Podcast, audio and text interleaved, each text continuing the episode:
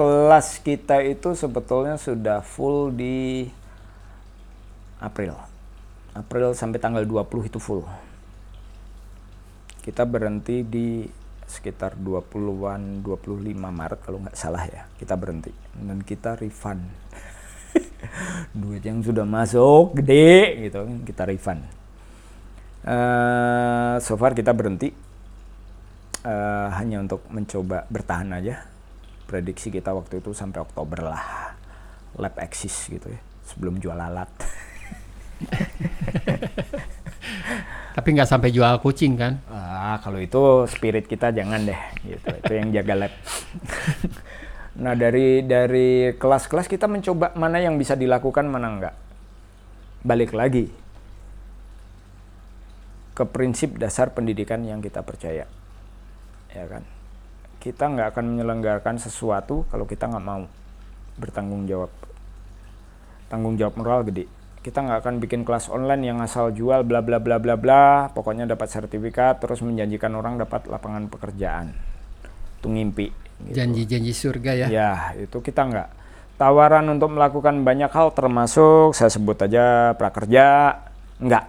Kita sudah coba untuk otak atik hanya ada kelas tertentu yang kita bisa lakukan secara daring, secara online. Tidak semuanya. Ada nggak yang ngajarin nyetir mobil online? Ya, Terus besok ada. ujian SIM. Kira-kira gitu loh. Karena di kopi itu kan eh, berkaitan dengan chip cita, rasa, karsa yang kayak kayak gitu kan ada hubungan bahwa dia juga harus ngerasain. Kita bisa bisa sepakat nggak pahitnya ini pahit kopi? Ini sama. Kalau kita duduk bareng kita bisa diskusi karena kopinya sama. Tapi online gimana caranya? Itu pertanyaannya. Iya. Airnya beda gimana lagi? Suhunya beda gimana lagi? Nyium baunya yang satu pakai gelas kaleng, satunya pakai gelas merek Duralex, satunya pakai gelas wine. Mana yang akan wangi? Ya gelas wine lah, bentuknya udah di canter gini, wangi kan. Sementara kalengnya sudah karatan. Gimana? Kita nggak bisa jaga, nggak bisa memantau gitu loh. Belum lagi koneksi internet Indonesia yang uh, salah satu terhebat di dunia gitu ya Cepat dengan banget. kecepatannya tinggi gitu iya. dan tiba-tiba off dan kita ngalamin kita harus nyoba-nyoba kelas terus menerus sampai kita yakin form bahwa itu bisa dilakukan dengan micro teaching undang banyak orang ngetes jaringan kita perbaiki sistem uh, jaringan di internalnya banyak banyak yang kita lakukan dan ya kosnya kita lagi ngirit-ngirit nggak berani kayak kelas biasanya yang yang eh kayak sebelum pandemi dengan berhitung bisnis oke okay, ini bisa disediakan nggak nggak kayak gitu kita ngirit. Jadi eh, barang-barang siapa yang punya Adi punya apa kebetulan gua dulu jadi direktur satu lembaga penyiaran gitu gua masih punya ini itu ini itu ya kita gabungin. Dan ditolong jadilah. ditolong oleh teman-teman yang nongkrong di lab customer kita yang sehari datang tiga kali. Kayak Se minum obat. sehari datang tiga kali. Tapi jadilah kelas online itu sampai ya, ada saat ini ya. Ada satu dua tiga empat yang kita persiapkan. Dua sudah jalan uh, satu kayaknya minggu minggu besok satu lagi akhir ming akhir bulan ini jalan Dua yang udah jalan itu apa nih? Uh, pengenalan dasar kopi oleh Hadi. Hari ini pengenalan espresso ini hari terakhir uh, Gilang. Kemudian uh, Mia itu apa ya? Gue lupa. Mia kelasnya apa ya? Kaping atau apa? Kemudian manual brew oleh Obit. Dan kita develop barang yang dikirim ke mereka supaya terkunci satu konsistensi dan semua orang ngalamin ngerasain hal yang sama. Yang nggak bisa kita bedakan adalah gelas, air, suhu. Itu Tapi gimana caranya? Barang. Uh, kebetulan kita kerjasama dengan cara Coffee Instant dari adik kita develop satu produk khusus untuk kelas. Jadi supaya yang di mana-mana ngerasain yang yang sama. Kalau kopinya kita giling dulu, eh, yang satu dibuka-buka, yang satunya enggak. Kita mau ngomong soal fragrance gimana? Sudah nggak valid lagi. Iya, makanya. Jadi kopinya sama dan kita hindari satu apa eh, distorsi yang cukup lebar lah. Kita kunci di situ. Kelas pengenalan kopi, lalu yang kedua Hmm, pengenalan espresso yang dibawakan oleh tadi Gilang ya. Gilang hari ini. Kemudian gue sambil ngecek. Eh, pengantar uji cita rasa dasar oleh Mia. Jadi ingat perbedaan antara kelas offline dan online biasanya di depan adalah pengantar. Kenapa? Karena pengantar nggak ada prakteknya. Walaupun kita tetap coba untuk berpraktek ya. Tapi levelnya kita nggak bisa ngomong sama dengan kelas offline. Gitu. Jadi, Banyak juga ya tantangannya Yandi. eh so far new normal kita harus harus tetap antisipasi kita harus harus memperbaiki ke depan menga- apa ya mengevaluasi apa yang kita bisa lakukan ya mempersiapkan sebaik-baiknya pertanggungjawaban moral termasuk kalau internet mati kayak apa gitu barang dikirim belum nyampe kayak apa itu cukup berat sebetulnya Ya persoalan teknis di luar eh, apa Iya. kekuasaan kalian. betul Tapi setelah Bandung nih PSBB kan udah selesai nih Hmm, atau masih? Sudah sih. Ta- Tapi kan masih new normal sekarang batasannya juga Nah. sangat susah kan. Nggak Apakah- bisa kayak dulu lagi. Apakah nanti kelas tatap muka? Kelas tatap muka udah dia- dilakukan. Sudah dilakukan dengan kapasitas Dengan kapasitas ada beberapa yang kita bisa lakukan 12 tetap sama. Dengan distance masih bisa kita lakukan. Kelas cupping tidak bisa dilakukan untuk 12 orang kita kurangin karena problem-problem tertentu ketersediaan meja dan nggak bisa di moving moving nggak dipindah-pindahin ya berat mejanya Yandi. Ya salah satu itu kemudian kalau yang bisa full itu kayak kelas Pengenalan manual kopi. manual brew, manual, Manual brew, brew. itu 12 orang. Masih oke. Masih oke, standar Covid protokol kita pakai yang ngajar pakai apa? Pakai face shield, masker, kemudian peng- yang siswanya pakai masker, cuci tangan, bla bla bla bla, tetap tetap ketat eh, physical distance tetap di disampaikan dan harus ya mulai bawel lah harus ngingetin ngingetin ngingetin. Karena kebiasaan kita juga juga kayak gitu di jalanan lah. Kita lihat orang Indonesia masih underestimate soal ini. Hari ini cupping sudah dilakukan. Nah menariknya yang cupping ya sebetulnya kalau hitung-hitungan bisnis kita pusing juga ya. Karena dulu kan satu set bisa dipakai bareng-bareng. Sekarang masing-masing. satu orang tiga set. Kopinya berapa satu orang tiga set gelasnya berapa yang mesti disediakan oleh Iya. 5758. supaya tidak terjadi pertukaran Kontaminasi. eh, iya kontaminasi dan macam-macam di situ jadi semua setelah selesai langsung masuk sanitasi dengan standar WHO macam-macam di situ cuci air panas direndam ini itu ini itulah untuk untuk sanitasi Itu tantangannya pada saat pandemi ini ya. Ya. Untuk kelas barista kita tetap full 12 orang. Dengan perubahan pengelompokan. Maksudnya Jadi kalau dulu 12 orang latihan ini, 12 orang latihan ini sekarang dari awal kecuali teori, mereka kecuali teori dan cupping, mereka split dua, tim A, tim B dan mereka nggak ketemu. dipisahkan pokoknya. dipisahkan. Jadi Secara fisik seolah-olah jadi 6 sama 6 kan, tapi sebetulnya giliran. Jadi eh, sebelum mereka masuk kayak kemarin di manual brew ya, kita pakai dua kelas. Mereka dapat alat masing-masing, nanti gantian masing-masing. Tapi sebelum sebelum pertukaran itu mereka harus keluar dulu, sanitasi lagi, semprotin, cuci bersih segala macem, pakai eh, cairan dis- disinfektan segala macem, balik nanti gitu lagi capek sebetulnya tapi ya kita harus harus menyesuaikan dengan kondisi yang ada kalau enggak kan ya sama aja nanti takutnya jadi kelas 5758 kan ingat itu pun belum ada jaminan gitu jadi apa pun sekarang di kehidupan yang sekarang ada jaminan semua orang sehat sebelum vaksin ditemukan kita nggak akan Dan vaksin itu akan ditemukan ya, entah which kapan. is Uh, prediksi 1-2 tahun ya semakin cepat semakin baik sih kalau minggu besok ditemukan dan sudah teruji. Tapi nggak mungkin karena masih ada uji klinis. Kemudian dicoba dulu uji klinis kan klinis clinically tested ya. Habis itu harus dicoba, harus nyari responden, berapa efeknya kayak apa itu kan. Tapi untuk situasi di Bandung nih kita hmm. pindah ke to pindah topik. Ya. Dengan pandemi ini bagaimana situasi lansekap kopi di kota Bandung? Berubah juga gitu.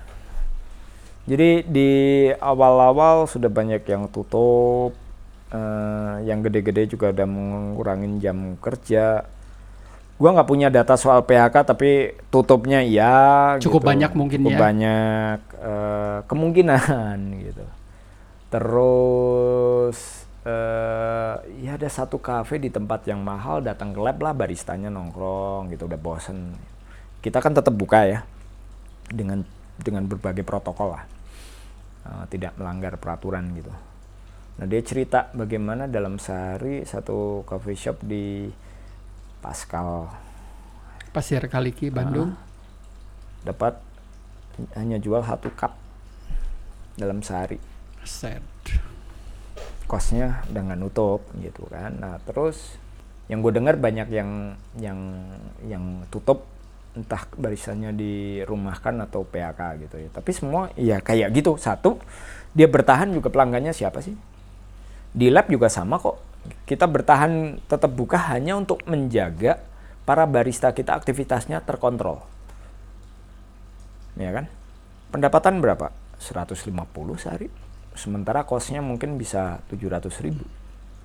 Nombok. Iya tapi kita jamin ingin menjamin bahwa anak-anak clear tidak main ke mana-mana tidak berhubungan yang udah bosen di rumah gitu terus akhirnya kena kena mereka kan uh, semacam capital kita ya social capital gitu ya. Jadi harta kita gitu loh. Jadi kita harus jaga bener-bener jadi dikasih kasih kesibukan supaya kita bisa ngontrol si A berhubungan dengan siapa dan kita bagi dua. Jadi tidak pernah berhubungan giliran terus kan jadi nggak ada yang pernah berhubungan. Dan mereka komunikasi ya lewat lewat WhatsApp atau apa gitu. Nah tempat lain kolaps. Nah begitu sudah mulai buka ini ada tren baru. Di Bandung banyak yang nyari barista. Gua nggak ngerti apa yang terjadi. Apakah hitung-hitungan bisnis mereka sekarang lebih baik merekrut barista baru, which is mau dibayar lebih murah, atau baristanya keluar? Gue sih yakin eh, yang keluar seharusnya kan mendapatkan mendapatkan kesejahteraan yang bagus ya. Kecuali memang situasi kerjanya nggak nggak nggak nyaman itu hal yang berbeda ya. Tapi kecenderungan orang akan nyari kesejahteraan yang lebih bagus. Tapi ini banyak yang nyari barista baru kafenya lama nyari barista baru bukannya barista yang dulu pernah ya, dipekerjakan apa yang terjadi tapi fenomena ini yang saat ini sedang terjadi dan itu uh, banyak-banyak diobrolin sama kawan-kawan yang dulu barista ini nyari kok aneh ya yang dulu ke mana gitu nah ini yang kita kita banyak banyak diskusi ya belum tahu sebetulnya apa yang terjadi gitu. Tapi mungkin salah satunya ya karena memang hitung-hitungan bisnis kali ya. Itu itu aja sih logika keuangan gitu kan. Gua ngeluarin gede belum ada jaminan seperti apa dan mereka ngerekrut yang baru-baru. Jadi lowongan barista mungkin kawan-kawan yang di luar pengen kerja di Bandung mungkin ini momen yang tepat. Sebuah kesempatan. Ya namanya juga bisnismen. Ya. Pikirannya kan pragmatis. Ya. Nih Uh, dalam satu tahap pragmatis diperlukan kalau di lab pragmatis itu pilihan terburuk belum belum nanti kita melanggar kalau udah pragmatis kita memang berbeda ideologi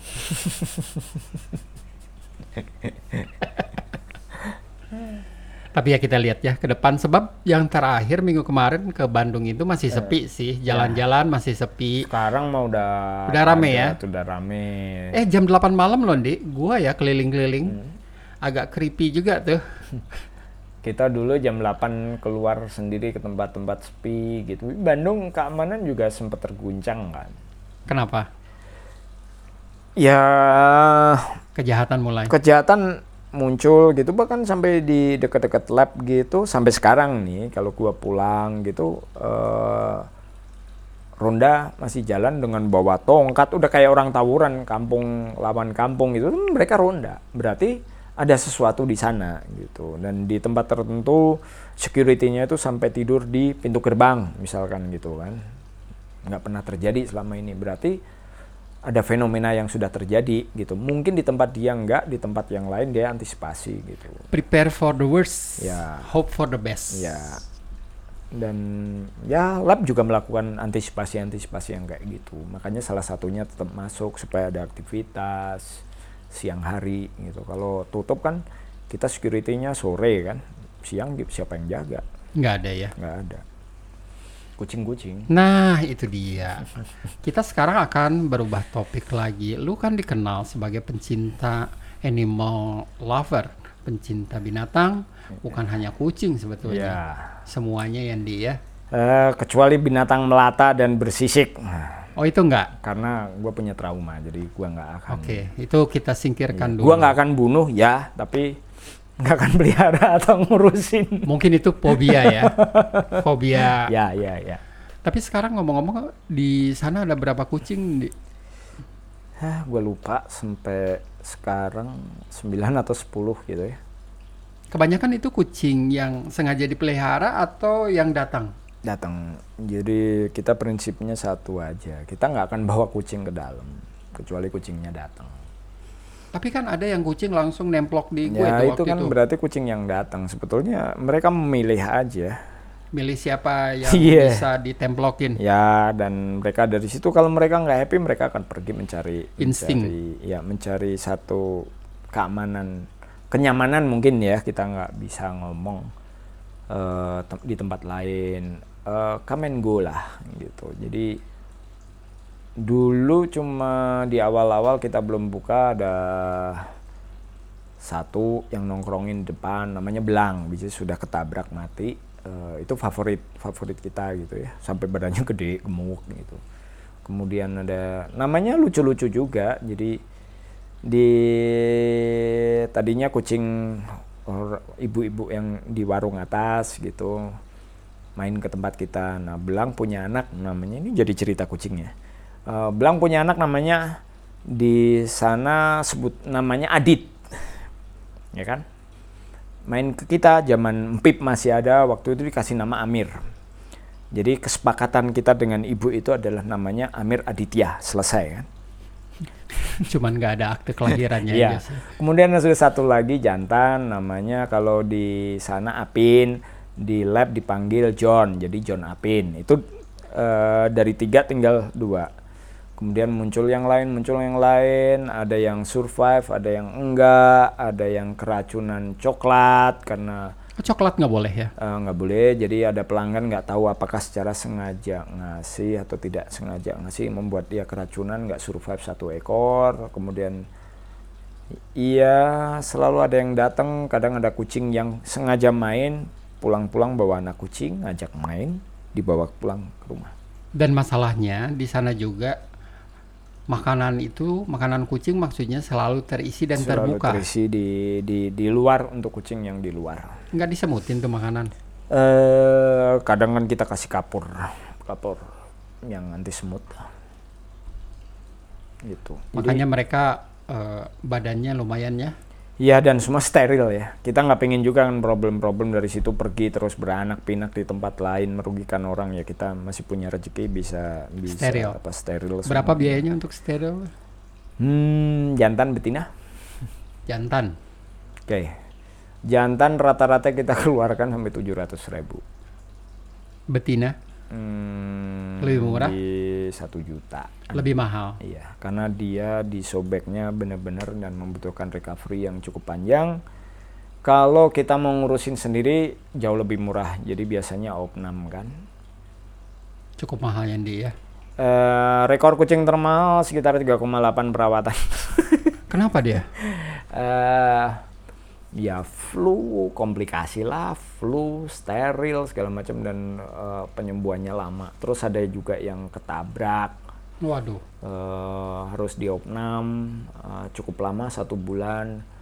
Yang maskot teman-teman sekarang namanya Carlos eh, itu tadi datang tadinya ya datang dengan skabies yang wah udah hancur-hancuran mukanya jelek diare jalan itu sampai diare netes ke mana-mana ini kalau di sini kita biarkan dia akan nularin kucing yang lain. Akhirnya kita kita kirim ke dokter.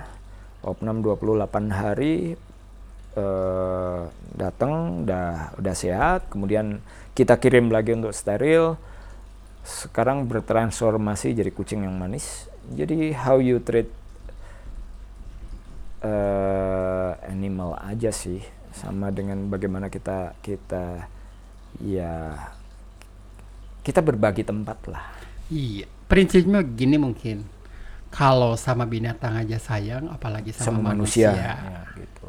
Jadi eh, empati segala macam problem kita juga dikeluhin. Eh, tempo hari terus terang ada yang ngasih review satu bintang, so many cat.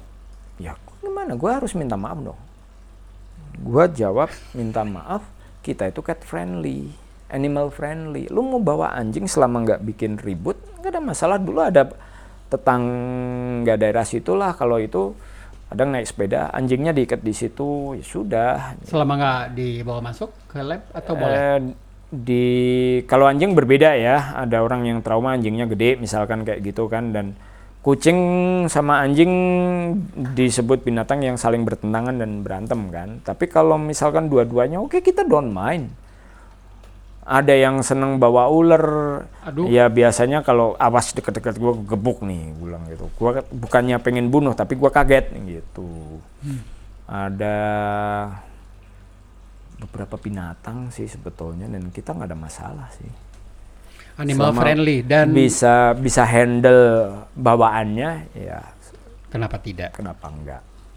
Ya tapi untuk anjing kan tidak setiap orang Hmm, mungkin iya, betul, akan betul. terintimidasi dengan Ya, bentuknya aja yang gede itu. Eh, satu itu yang kemudian kan anjing dalam ajaran agama Islam dianggap najis, membawa najis terus Ya, segala itu macam itu yang yang teologis ya, lah ya. ya itu sesuatu hal yang kita nggak pengen berdebat lah karena itu faktor kepercayaan Iya dong. segala macam. Jadi kalau bawa anjing biasanya taruhnya di luar, diikat, ngobrol, anjingnya masih dipegang, kontrol gitu kan.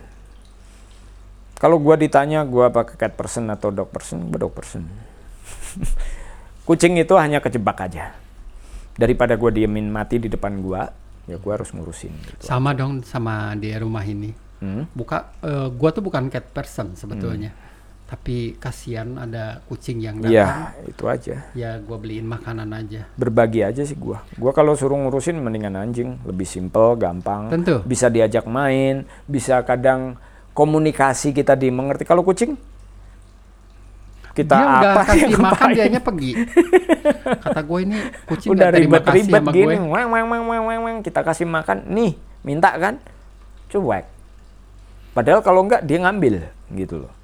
Setelah makan dia pergi. Ya, jadi Bye. beberapa hal ya gue jadi paham dari jauh aja gue bisa lihat ini kucing betina jantan gitu kelakuannya apa gitu kadang kadang sudah bisa nebak gitu. Motivasi gue sih selama ini ya gitu. Ada kucing datang ya dikasih makan, apalagi udah yong-yong mereka udah tahu kan. So far sih kalau tadi gue bilang kan jumlahnya sekitar 10-an. Hmm, Masih kalah Mungkin- dong gue. mungkin secara total kucing yang mampir ke lab antara hidup dan mati eh, more than 30 ya. Banyak sekali ya. Ya ada sekitar 8 di rumah gua yang udah nggak mungkin di lab, gue bawa ke rumah. Makanya Terus- dikasih bintang satu tuh, Di. Eh, Ci juga demikian. Jadi ya sekarang yang dulu kucing jelek-jelek sekarang udah ga- udah gede-gede gitu. Ya itu PR juga sih. Jadi kita jengkel yang terakhir misalkan ada ibu-ibu dengan sengaja menaruh kucing itu di situ. Rumahnya nggak terlalu jauh dari dari lab gitu ya. Dengan alasan induknya di sini. Come on, semua induk di sini kan steril. Gimana punya anak gitu loh ya. Dia ngelimpain aja. Kadang gue bingung aja dia membunuh kucing di tempat lain. Kenapa nggak dia cekek sendiri sih gitu loh. Gue itu paling muak dengan orang-orang yang kayak gitu. Jadi ya doa gue selalu jelek sih. Dan gue sampai sekarang semua doa jelek itu eh, bagi orang yang nyeksa binatang segala macam selalu berharap itu terjadi sama mereka gue nggak bisa narik Ya. Animal abuse itu adalah sebuah kejahatan ya yang dan udah diatur undang-undang juga Iya, jangan main-main. Oh ya orang nyiksa kemudian difilmin. Iya. Oh, kalau itu nggak masuk Ya, akal. sudah sakit ya. jiwa sih. Sakit jiwa itu, bagian sakit jiwa sakit jiwa. Orang kayak gue bukan pencinta binatang, masa sih misalnya kucing ditendang kayak gitu ya paling dihus-hus saja udah.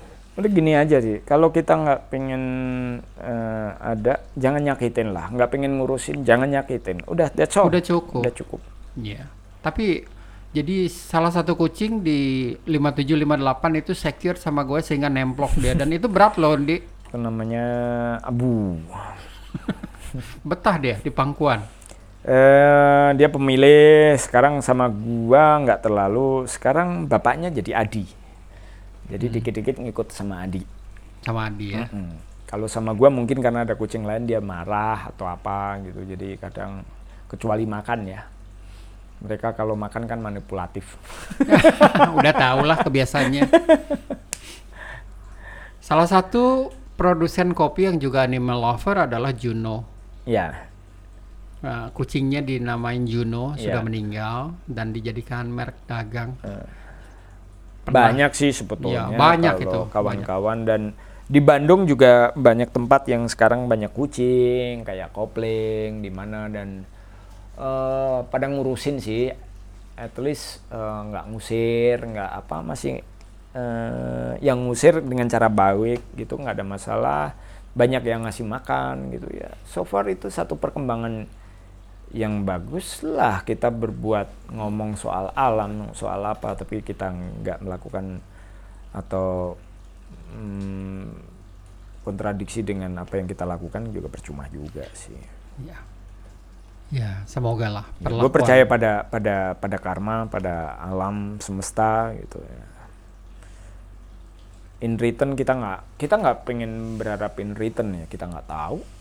Emang kita melakukan apa apa harus ada bayarannya gitu. Itu pekerjaan. Kalau pekerjaan saya karmanya ya bego gitu. ya. What you give is you- what you get kan kira-kira gitu. What you see is what you get. Itu what you give komputer. is what you get. Kalau itu bekerja. Hmm, hmm. Balik lagi ke 5758 setelah kita Hmm. ngobrol sana sini. Planning ke depannya apa yang nanti mungkin rencana yang bisa kita ketahui bersama? Apakah Eh, Cita-cita kita adalah pengen jadi leading education institution di kopi di level Asia. Which is sebetulnya kita udah nggak perlu mikir ke sono. Which is we already salah satu? there, Ya. gitu. Dan itu tercapainya buat tadinya dalam lima tahun kita kan bikin strategic planning dong. Gitu kan logical frameworknya ada bla bla bla bla bla. Dalam lima tahun, dalam setahun kita udah mencapai sana. Penilaian Iya. itu didasarkan apa, Dik? The quality requirement dari customer. Ketika kawan-kawan dari luar negeri mau datang ke Indonesia, di tempat dia kan ada.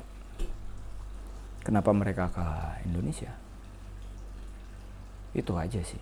Dari luar ada. Eh, customer kita khususnya kelas-kelas yang internasional itu dari Singapura, Malaysia, Vietnam, eh, Nepal, eh, Cina, Hong Kong, Perancis, Portugal, Amerika, Australia, New Zealand, mana lagi? Kok kita belum bahas itu? Banyak.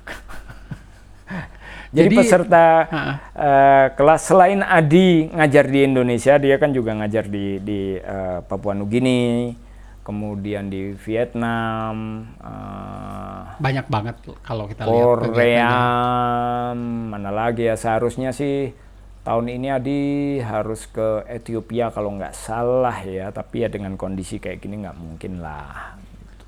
Wait, tunggu dulu. Jadi siswanya 5758 bukan hanya di Indonesia saja. bukan di Indonesia dan eh, kita masih berhubungan baik dengan mereka dan dia good customer, uh, mereferensikan hasil pendidikan dia, terus merekomendasikan orang datang lagi dan sebetulnya sudah ada permintaan sekarang di negara-negara mereka udah cooling down, udah oke, okay. mereka nanya kapan kelasnya ada. Nah, Dibuka, kita kan nggak ya? berani. Oke, baik, baik, baik. Dan kebanyakan mereka ngambil kelas apa? Eh Q Q. Q grader, Robusta grader, kemudian Cup of Excellence E. COE. Apa bedanya Cup of Excellence sama Q? Hmm, Beda beda kongregasi. Ngomongin Katolik lagi nih. Beda misi dong. Eh, yang satunya eh, under SCA sama CQI, satunya di bawah ACE eh, Alliance for Coffee Excellence gitu. Mostly hampir-hampir mirip sih. Kongregasi itu dalam Katolik itu adalah organisasi ya, Ya, mazhab. mazhab. Perbedaannya itu aja sih. Hmm. Jadi ya COE sebetulnya bulan bulan ini ada Untuk kelas bulan itu. ini COE ada. Kita udah udah ya dengan kondisi di pengajarnya dari Amerika Serikat dari Portland eh Portland ya ya ya kondisi Amerika di kayak gitu ya dia nggak nggak mungkin juga dan kita juga agak ribet di sini percuma juga jualan kelas tapi susah Adi bisa ngajarin untuk COE, Cup of Excellence. Eh, Adi tidak konsentrasi ke sana. Jadi masih konsentrasi untuk Q. eh Adi Q dan eh ya Q EST untuk brewing IST itu adalah eh, authorized trainer untuk SCA. Jadi ada skill-skill SCA misalkan brewing, barista, eh, sensory, eh, apalagi ya, hmm, green grading gitu. Adi ngambilnya di eh, brewing. baik. Adi luar biasa nih pengetahuannya. Tapi beberapa hal gue nggak bisa merepresentasikan informasi-informasi ini secara detail karena gue bukan Q grader, gue bukan bukan orang bersertifikat yang gue cerita-ceritain tadi.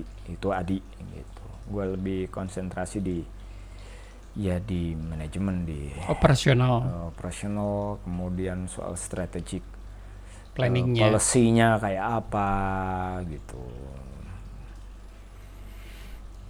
Oke. beda walaupun ya gue belajar di konsentrasi hanya untuk mm, sedikit barista gitu sama sama eh, brewing ya kalau Adi kan banyak tuh sampai sampai ada eh, instruktur untuk ACF eh, Asian Coffee Federation gitu untuk barista Kita udah berbincang satu jam lebih. Hmm, Jadi- lumayan ya Lumayan. Sebetulnya pengen banyak banget uh, topik-topik lain yang akan dibicarakan offline aja ya, Di ya. Iya. Jadi terima kasih sudah datang ke sini. siap Andi Yuwono 5758 dalam podcast episode yang kesekian. sekian berapa ya saking banyaknya Udah Gua skip kan udah 130. banyak ya Udah 130 podcastnya. Iya. Dan ini sebuah kesempatan berharga berbicara berbincang dengan Andi Yuwono yang ini mungkin satu-satunya orang yang paling sulit diajak podcast selama Iya, ini. nggak ada fotonya nggak ada apanya gitu ya. Sombong sekali. Ntar gue juga bingung nih, fotonya mau apa nih, kucing atau apa ya? abu abu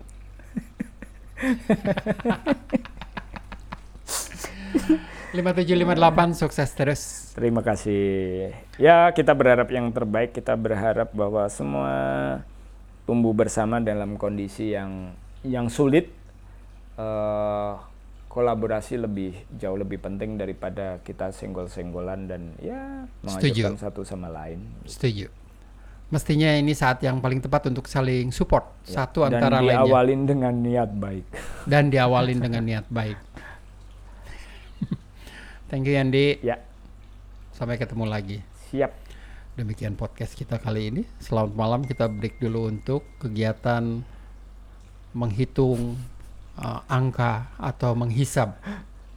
Cerutu. Cerutu. Nggak punya cerutu. Oke. Teman-teman sekalian, demikian tadi podcast dengan Andi Yuwono dari 5758 Untuk itu, saya sampaikan terima kasih kepada Andi yang telah sengaja datang ke tempat saya untuk membuat podcast ini. Biasanya susah banget nih, yang satu ini. Selanjutnya, jangan lupa untuk menantikan episode-episode selanjutnya di iTunes maupun Spotify. Tony Wahid pamit, salam.